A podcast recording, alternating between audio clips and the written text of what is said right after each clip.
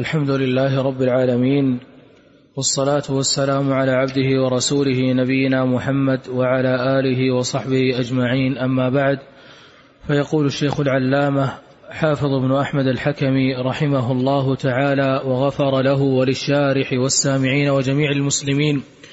يقول في كتابه معارج القبول بشرح سلم الوصول إلى علم الأصول في التوحيد قال رحمه الله تعالى في أثناء مقدمته وهدى الله به الذين آمنوا لما اختلفوا فيه من الحق بإذنه والله يهدي من يشاء إلى صراط مستقيم. كما قال تعالى كان الناس أمة واحدة فبعث الله النبيين مبشرين ومنذرين وأنزل معهم الكتاب بالحق ليحكم بين الناس فيما اختلفوا فيه. وما اختلف فيه إلا الذين أوتوه من بعد ما جاءتهم البينات بغيا بينهم. فهدى الله الذين آمنوا لما اختلفوا فيه من الحق بإذنه والله يهدي من يشاء إلى صراط مستقيم. قال ابن عباس رضي الله عنهما كان بين نوح وآدم عشرة قرون كلهم على شريعة من الحق فاختلفوا فبعث الله النبيين مبشرين ومنذرين. وكذلك هي قراءة عبد الله وأبي بن كعب وهذا التفسير مروي عن قتادة ومجاهد أيضا. بسم الله الرحمن الرحيم. الحمد لله رب العالمين وأشهد أن لا إله إلا الله وحده لا شريك له وأشهد أن محمدا عبده ورسوله صلى الله وسلم عليه وعلى آله وصحبه أجمعين. اللهم علمنا ما ينفعنا وانفعنا بما علمتنا وزدنا علما وأصلح لنا شأننا كله ولا تكلنا إلى أنفسنا طرفة عين. أما بعد يذكر المصنف رحمه الله تعالى في هذا الموطن عظيم النعمة بمبعث النبي عليه الصلاة والسلام وأن الله عز وجل هدى به العباد لما اختلفوا فيه من الحق بإذن الله سبحانه وتعالى. فهذا من عظيم النعمة بمبعث النبي الكريم صلى الله عليه وسلم أن جعله سبب ووسيلة هداية للعباد إلى الحق الذي اختلف الناس فيه وتنازعوا وذهبوا مذاهب شتى. فهدى الله الناس بهذا النبي الكريم عليه الصلاة والسلام إلى الحق بإذنه سبحانه وتعالى. وهذا فيه أن الهداية منة إلهية. لا تكون إلا لمن شاء بإذن الرب سبحانه وتعالى. فهو الذي يأذن وهو الذي يهدي وهو الذي يوفق. فالأمر أمره سبحانه وتعالى لا شريك له. وقد أورد رحمه الله تعالى هذه الآية الكريمة من سورة البقرة. قول الله سبحانه وتعالى كان الناس أمة واحدة فبعث الله النبيين. كان الناس أمة واحدة أي على الحق. ثم من بعد ذلك حصل الاختلاف والانحراف فبعث الله النبيين. قال كان الناس أمة واحدة أي فاختلفوا. كان الناس أمة واحدة أي فاختلفوا كما في آية يونس. وما كان الناس إلا أمة واحدة فاختلفوا. وجاء هذا هذا المعنى في تفسيرات بعض السلف وهي قراءة أيضا كما سيأتي عند المصنف رحمه الله تعالى. فآية يونس مفسرة لهذه الآية. آية يونس مفسرة لهذه الآية. كان الناس أمة واحدة أي فاختلفوا. كانوا أمة واحدة أي على الحق مجتمعين. ثم حصل الاختلاف والافتراق والدخول في المذاهب الباطلة المنحرفة فبعث الله النبيين مبشرين ومنذرين. أورد عن ابن عباس أنه قال كان بين نوح وآدم عشرة قرون كلهم على شريعة من الحق. بمعنى الآية كان الناس أمة واحدة كلهم كانوا على شريعة بينة من الحق والهدى أمة واحدة أي على الحق.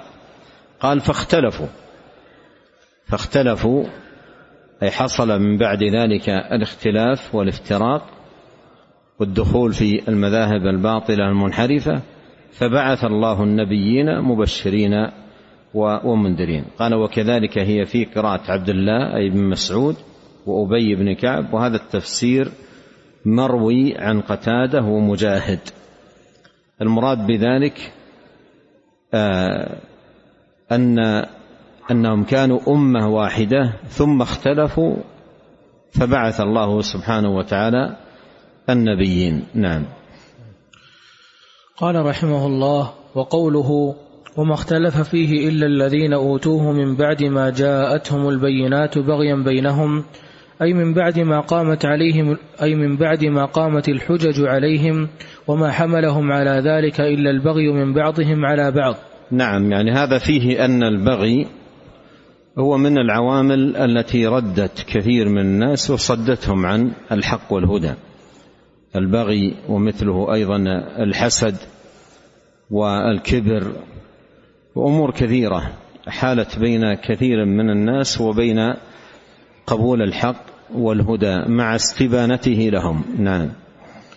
قال رحمه الله وقوله تعالى فهدى الله الذين آمنوا لما اختلفوا فيه من الحق بإذنه. قال النبي صلى الله عليه وسلم الإذن هنا كوني قدري أن الإذن إذا ورد في القرآن تارة يراد به الشرعي الديني قل آه الله أذن لكم أي شرع وتارة يراد به الإذن الكوني. الإذن الكوني القدري. قال فهدى الله الذين آمنوا لما اختلفوا فيه من الحق بإذنه. فالهداية إنما تكون بإذن الله سبحانه وتعالى أي بمشيئته وإرادته. فمن شاء سبحانه وتعالى هدايته هداه وبصره جل في علاه. نعم. قال النبي صلى الله عليه وسلم نحن الآخرون السابقون يوم القيامة فنحن أول الناس دخولا الجنة بيد أنهم أوتوا الكتاب من قبلنا وأوتيناه من بعدهم فهدانا الله لما اختلفوا فيه من الحق بإذنه فهذا اليوم الذي اختلفوا فيه وهدانا الله له فالناس لنا فيه تبع فغدا لليهود وبعد غد للنصارى. رواه عبد الرزاق وهو في الصحيح من طرق بألفاظ. هذا الحديث العظيم فيه عظيم النعمة على هذه الأمة أمة محمد عليه الصلاة والسلام. آخر الأمم وجودا وأول الأمم سبقا إلى الخير. هذا من عظيم النعمة على أمة محمد صلوات الله وسلامه عليه. قال نحن الآخرون أي في ترتيب الأمم. فنحن الآخرون. فهي آخر الأمة آخر الأمم أمته عليه الصلاة والسلام قال السابقون يوم القيامة. السابقون يوم القيامة. مع أنها آخر الأمم إلا أنها أسبق الأمم إلى المعالي ورفيع المنازل والدرجات. السابقون يوم القيامة. فنحن أول الناس دخولا الجنة. فنحن أول الناس دخولا الجنة. ثم ذكر عليه الصلاة والسلام التعليل لذلك. قال بيد أنهم أوتوا الكتاب من قبلنا وأوتيناه من بعدهم. بيد أن أي من أجل أن. هذا تعليل. ومن قال إن بيد هنا بمعنى غير فقد أخطأ كما نبه على ذلك شيخ الإسلام ابن تيمية رحمه الله تعالى. فقوله عليه الصلاة والسلام بيد أنهم بيد أنهم أوتوا الكتاب من قبلنا وأوتيناه من بعدنا أي من أجل ان أنهم أوتوا الكتاب من قبلنا وأوتينا الكتاب من بعدهم. وكون هذه الأمة أمة محمد عليه الصلاة والسلام أوتيت الكتاب من بعدهم هذا فيه الهداية مثل ما واضح في الآية هداية هذه الأمة التي آخر الأمم لما اختلف فيه الناس من الأمم التي قبلهم إلى الحق والهدى باذنه سبحانه وتعالى.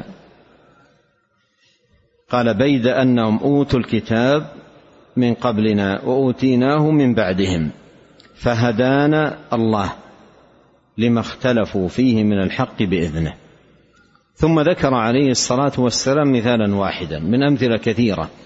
لما هدى الله سبحانه وتعالى إليه هذه الأمة لما اختلفوا فيه. وإلا الأمثلة كثيرة وسيأتي شيء منها عند المصنف رحمه الله. فذكر مثالا قال فهذا اليوم اي يوم الجمعة قال فهذا اليوم الذي اختلفوا فيه وهدانا الله له.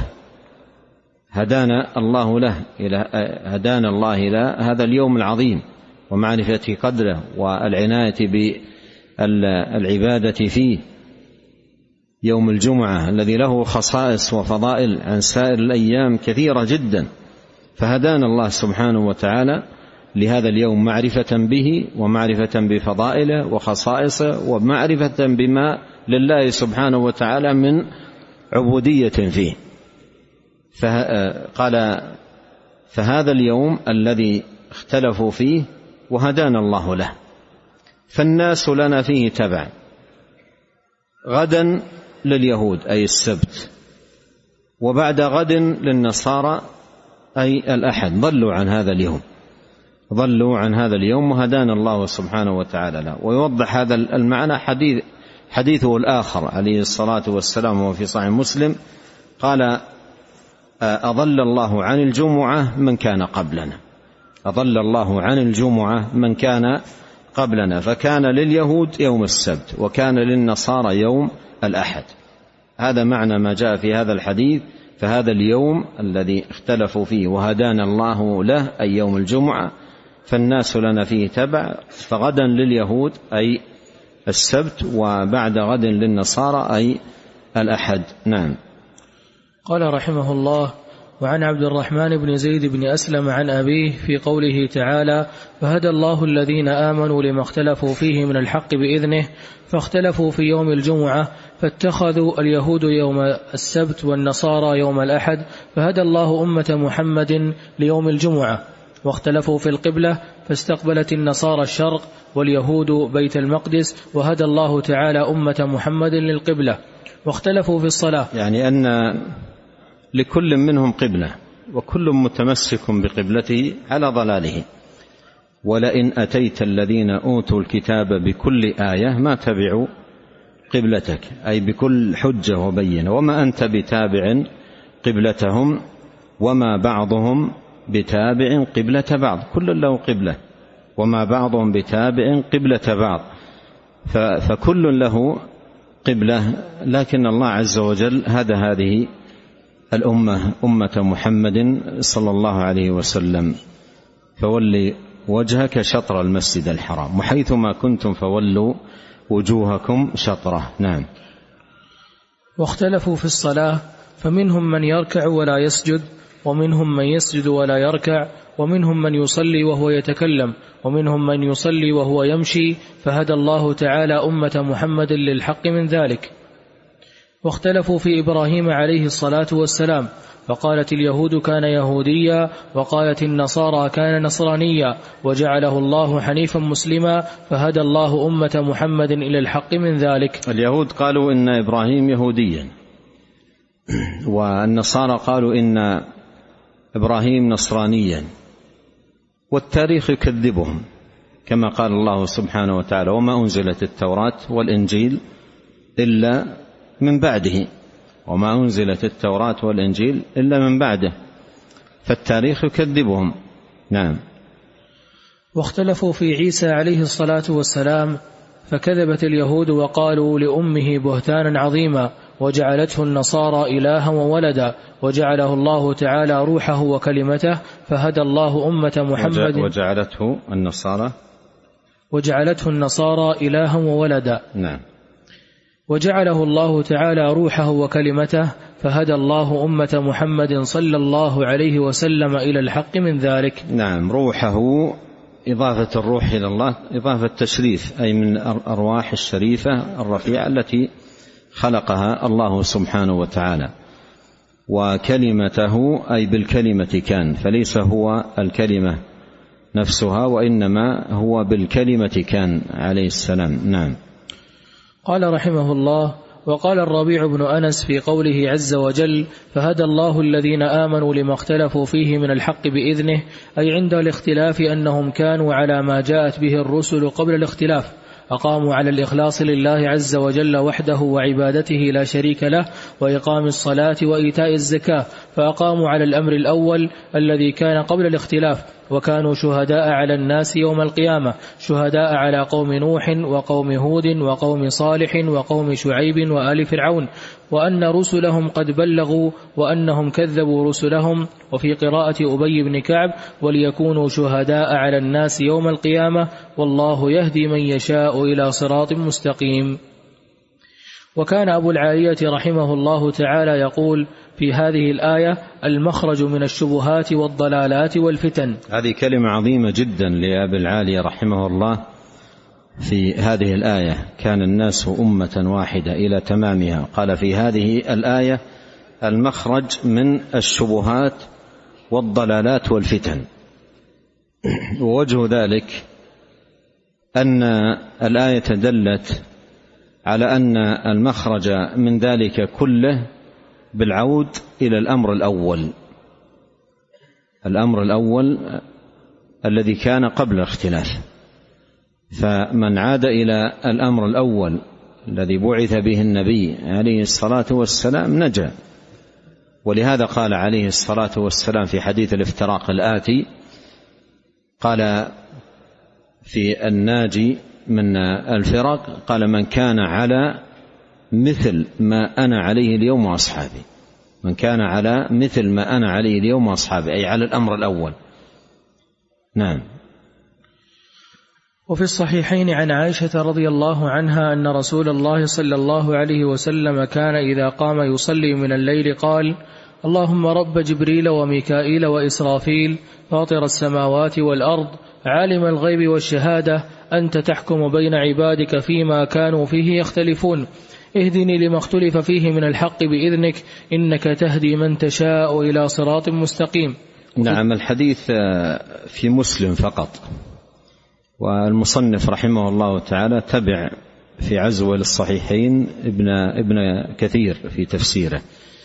والكلام هنا كله منقول من ابن كثير بدءا من الكلام على الآية كان الناس أمة واحدة وانتهاء إلى قوله في الدعاء المأثور اللهم أرنا الحق حقا هذا كله منقول بألفاظه من الحافظ بن كثير مع شيء من التصرف وحذف لي الأسانيد واختصار في بعض المواضع وإلا منقول بتمامه على نسقه. في تفسير ابن كثير رحمه الله. نعم. وفي الدعاء المأثور اللهم أرنا الحق حقا وارزقنا اتباعه وأرنا الباطل باطلا وارزقنا اجتنابه ولا تجعله ملتبسا علينا فنضل واجعلنا للمتقين إماما. هذا الدعاء الذي قال عنه ابن كثير في الدعاء المأثور أقدم من رأيته ذكره أقدم من رأيته ذكره الحافظ بن شاهين المتوفى سنة 385 في كتابه السنة.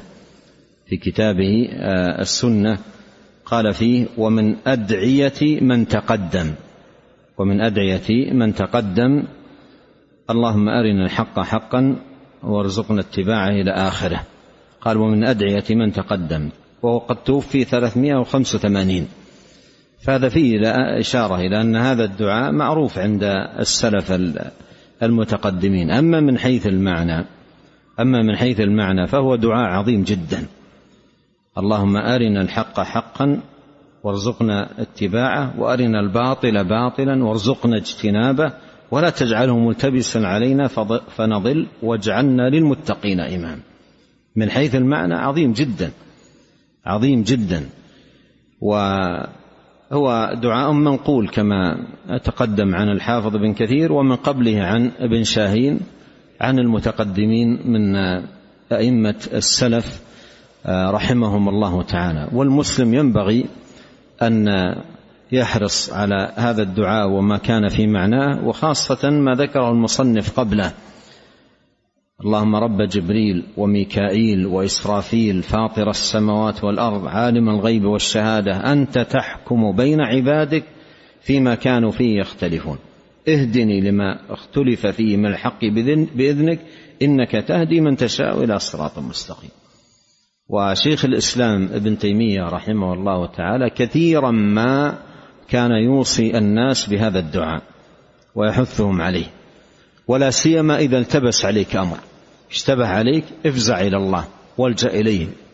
وأدعو بهذا الدعاء الماثور عن النبي عليه الصلاة والسلام. ولا سيما إذا من الله عليك وقمت تصلي من الليل. فإن النبي عليه الصلاة والسلام كان يدعو بهذا الدعاء إذا قام يصلي من الليل. نعم. قال رحمه الله واعلم أنه كما أخبرنا الله تعالى عن الأمم السابقة أنهم اختلفوا اختلافا شديدا وافترقوا افتراقا بعيدا وفي ذلك أعظم واعظ وأكبر زاجر عن الاختلاف والتفرق. نعم يعني إخبار الله عن افتراق الأمم التي قبلنا هذا ليس مجرد أمر فقط يعلم وإنما ذكر الله سبحانه وتعالى ذلك على وجه الإنذار والتحذير لهذه الأمة من أن تكون كأولئك مفترقين مختلفين. نعم. ولم يقتصر سبحانه في تذكيرنا بذلك عليه بل زجرنا عن الاختلاف زجرا شديدا وتوعد على ذلك وعيدا أكيدا. فقال تعالى ولا تكونوا كالذين تفرقوا واختلفوا من بعد ما جاءهم البينات وأولئك لهم عذاب عظيم يوم تبيض وجوه وتسود وجوه. قال ابن عباس رضي الله عنهما تبيض وجوه أهل السنة والائتلاف وتسود وجوه أهل البدع والاختلاف. ثم فصل تعالى مآل الفريقين. تبيض وجوه أهل السنة. النبي عليه الصلاة والسلام دعا في حجة الوداع في الخيف من منى عليه الصلاة والسلام في خطبته التي خطبها أيام النحر في منى. قال نضر الله امرأ سمع مقالتي فوعاها فحفظها فأداها كما سمع. هذه دعوة لحملة سنة بالنضرة التي هي الضياء والبهاء والنور. نعم.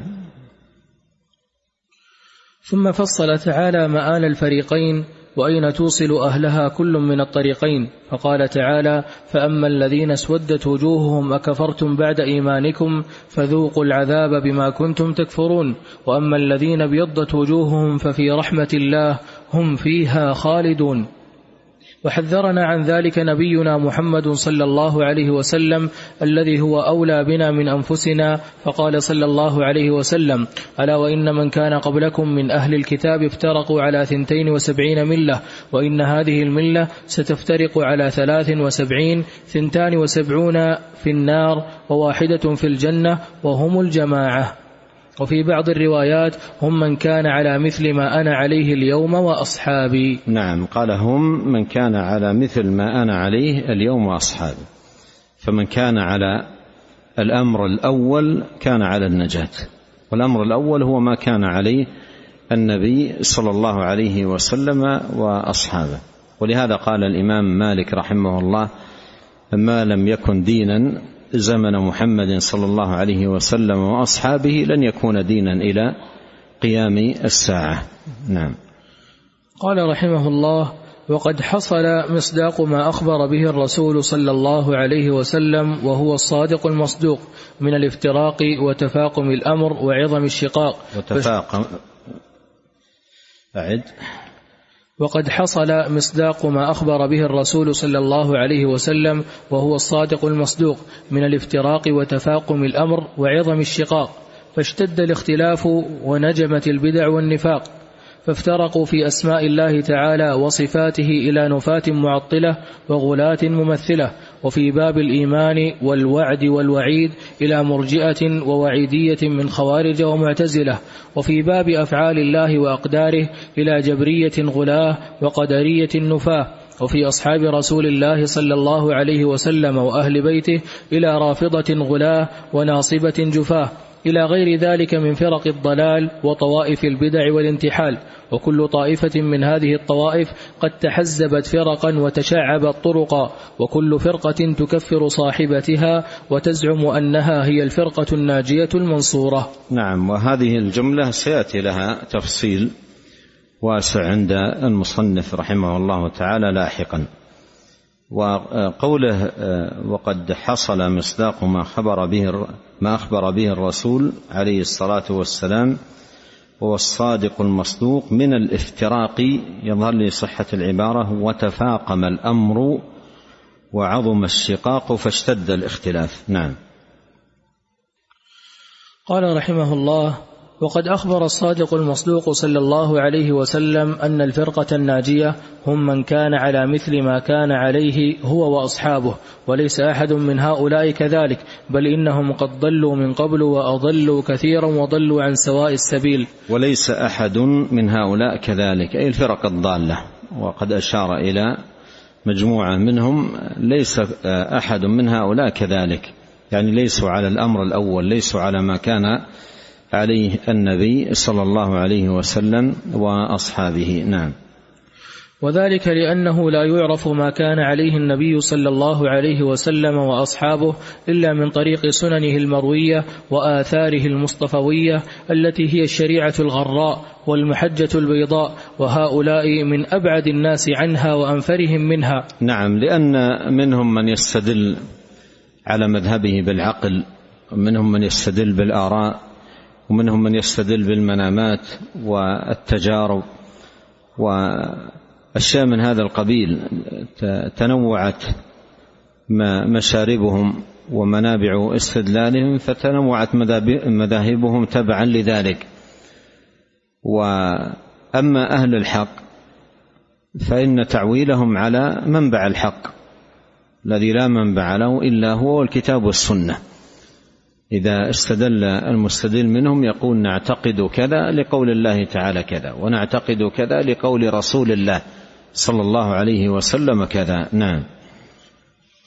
وإنما تصلح هذه الصفة لحملتها وحفاظها ونقادها المنقادين لها المتمسكين بها الذابين عنها يقفون عندها ويسيرون بسيرها لا ينحرفون عنها يمينا ولا شمالا ولا يقدمون عليها لأحد مقالا ولا يبالون من خالفهم ولا من خذلهم ولا يضرهم ذلك حتى يأتي أمر الله تبارك وتعالى.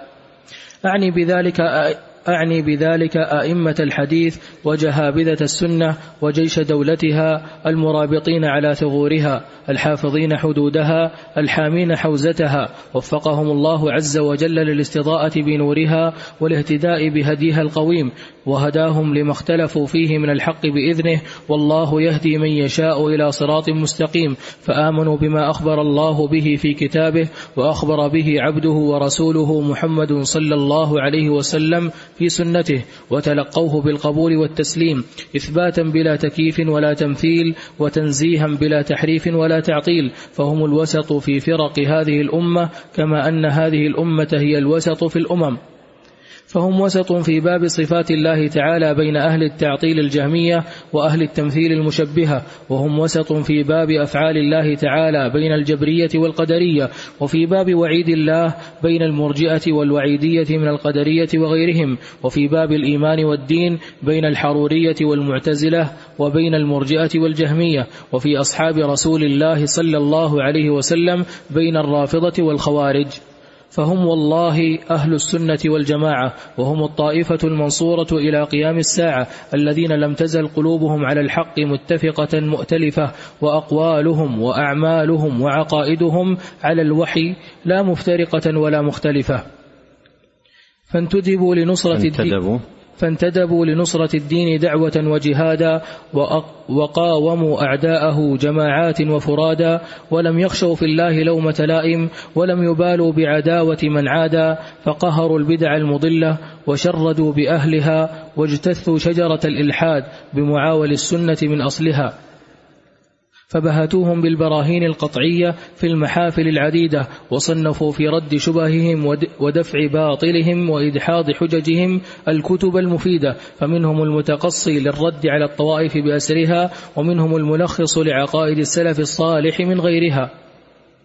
ولن ولم تنجم بدعة من المضلين الملحدين إلا ويقيض إلا ويقيض الله إلا ويقيض الله لها جيشا من عباده المخلصين فحفظ الله بهم دينه على العباد وأخرجهم بهم من ظلمات الزيغ والضلالة إلى نور الهدى والرشاد وذلك مصداق وعد الله عز وجل بحفظه الذكر الذي أنزله كما قال تعالى إنا نحن نزلنا الذكر وإنا له لحافظون وإعلاء لكلمته وتأييدا لحزبه إذ يقول وإن جندنا لهم الغالبون قال رحمه الله وقد سألني من لا تسعني مخالفته من المحبين أن أنظم مختصرا يسهل حفظه على الطالبين. جاء في ترجمة الشيخ أن من طلب منه ذلك شيخه الشيخ عبد الله القرعاوي رحمه الله تعالى. الشيخ عبد الله القرعاوي وطلب من تلميذه حافظ حكمي أن ينظم نظما في المعتقد لأنه طلب منه كان عمره الشيخ حافظ كما قدمت عشرين سنة. كان عمره وقتئذ عشرين سنة. لكن رأى فيه النجابة وحسن الفهم والحفظ حتى إنه قال عنه حافظ على اسمه. من الله عليه بحافظة قوية قال هو حافظ كاسمه. فطلب منه أن يكتب منظومة في العقيدة فنظم هذه المنظومة التي سماها سلم الوصول. فصار لها في زمانه فضلا عن ما بعد زمانه صار لها في زمانه انتشار واسع بين الطلبة حفظوها واستفادوا منها. نعم. قال رحمه الله وقد سألني من لا تسعني مخالفته من المحبين أن أنظم مختصرا يسهل حفظه على الطالبين ويقرب مناله للراغبين ويفصح عن عقيدة السلف الصالح ويبين فأجبته إلى ذلك مستعينا بالله راجيا الثواب من الله قائلا لا حول ولا قوة إلا بالله. وضممت إلى ذلك مسائل نافعة تتعلق بهذه العصور من التنبيه على من التنبيه على ما افتتن به العامة من عبادة الأشجار والأحجار والقبور ومناقضتهم التوحيد هذه أعظم المصائب افتتان العامة بعبادة القبور. إذا فزع الواحد في شدته وضراءه ومرضه يفزع إلى القبور ويتجه إليها طلبا ورغبة. نعم. ومناقضتهم التوحيد بالشرك الذي هو أقبح المحظور.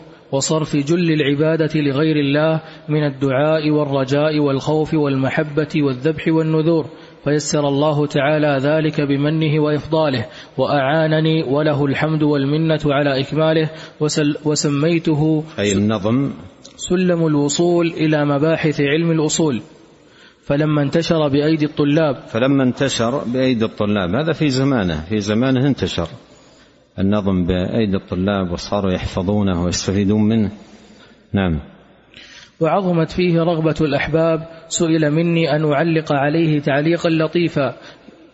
يحل مشكله ويفصل مجمله مقتصرا على ذكر الدليل ومدلوله من كلام الله تعالى وكلام رسوله فاستخرت الله تعالى بعلمه واستقدرته بقدرته فعن لي أن أعزم على ذلك الأمر المسؤول مستمدا من الله تعالى الإعانة على نيل السول وسميته معارج القبول بشرح سلم الوصول إلى علم الأصول. وأشرت أيضا سابقا إلى أن هذا الشرح استكمله عمره 24 سنة رحمه الله تعالى. نعم. والله أسأل أن يعين على إكماله بمنه وفضله وأن ينفعني وطلاب العلم به وبأصله وأن يهدينا الصراط المستقيم ويجعلنا من أنصار التوحيد وأهله. إنه سميع قريب مجيب. وما توفيقي إلا بالله. عليه توكلت وإليه أنيب. ولا حول ولا قوة إلا بالله العلي العظيم. نعم. انتهى هنا من هذه المقدمة النفيسة. المفيدة بين يدي هذا الشرح وإثبات المنظومة هنا كاملا ليست من صنيع المصنف وإنما ممن طبعه تسهيلا للفائدة. ولهذا تكون قراءة هذه الأبيات كما هي عند المصنف في مواضعها من الشرح.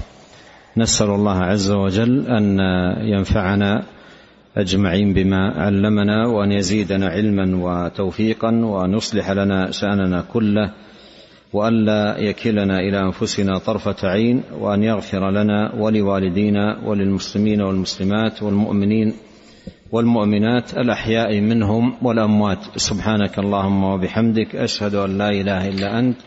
أستغفرك وأتوب إليك. اللهم صل وسلم على عبدك ورسولك نبينا محمد وآله وصحبه.